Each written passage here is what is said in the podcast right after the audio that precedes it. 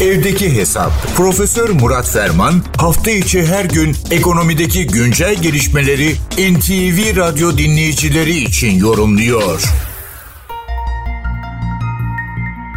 Bilindiği üzere Davos tam 53 yıldan bu yana bu sene 54. yılı dünyada dünyaya yön verenlerin, varsılların, güç sahiplerinin, iktidar ortaklarının bir platformu dünyaya nasıl baktıklarını, durumu nasıl okuduklarını dünyayla paylaştıkları ve kendilerince çözüm önerisi geliştirdikleri kaliteli, nitelikli, oylumlu bir panel, bir platform. Bu seneki temada enteresan Rebuilding Trust, güvenin yeniden inşası. Yüzlerce siyasi lider, uluslararası kurum başkanı veya yöneticisi, fikir önderleri, akademisyenler katılımıyla tabiri caizse varsılların dünyada söz sahibi olanların dört gün boyunca dünyadaki mevcut meseleleri masaya yatırdıklarını ve kendilerince nasıl durumu okuduklarını, nasıl vaziyet edilmesi gerektiklerini tartışacakları bir platform. Biz de takip edeceğiz. Sonuçları sizlerle paylaşacağız ama netice itibariyle bugün Davos'tan bahsetmeyeceğim. Davos toplantılarının hemen öncesinde hani tez antitez tarzında tadında belirli organizasyonlar bu seçkinci ve varsıl kesime belki de karşı bir cephe oluşturanlar onlar da kendi çalışmalarını, raporlarını, durum tespitlerini paylaşıyorlar. İşte bunların başında Oxfam geliyor. İngiltere merkezli bir sosyal yardım ve belki de eşitlik için kendi deyimleriyle mücadele eden bir sivil toplum kuruluşu. Oxfam epeydir her Davos zirvesi öncesinde bir eşitsizlik veya bir durumun çarpıklığını gösteren kendi deyimiyle bir rapor yayınlıyor. Bu raporu da saatler evvel dün Londra merkezden açıkladılar ve diyor ki eşitsizlik AŞ yani raporun başlığı böyle ve diyor ki dünyada büyük şirketler, büyük kurumsal yapılar eşitsizliği daha da tecri hale getiriyor ve adeta içinden çıkılmaz bir durumla bizi karşı karşıya bırakıyor.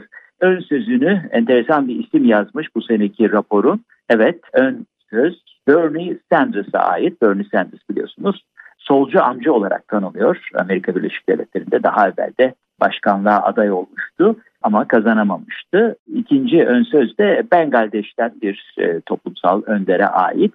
71 sayfalık değerli toplu bir rapor. Dünya basınına tabii buradan belirli ne derler sloganlarla veya belirli başlıklarla düştü. Enteresan unsurlar var. Mesela 2020'den bu yana dünyanın en zengin 5 kişisi, adamı servetlerini ikiye katlamışlar. Çok enteresan bir başlıkla belki çarpıcı başlıkla zenginin malı züğürdün çenesini yorar. Tabii bu enteresan bir başka kuple de şöyle.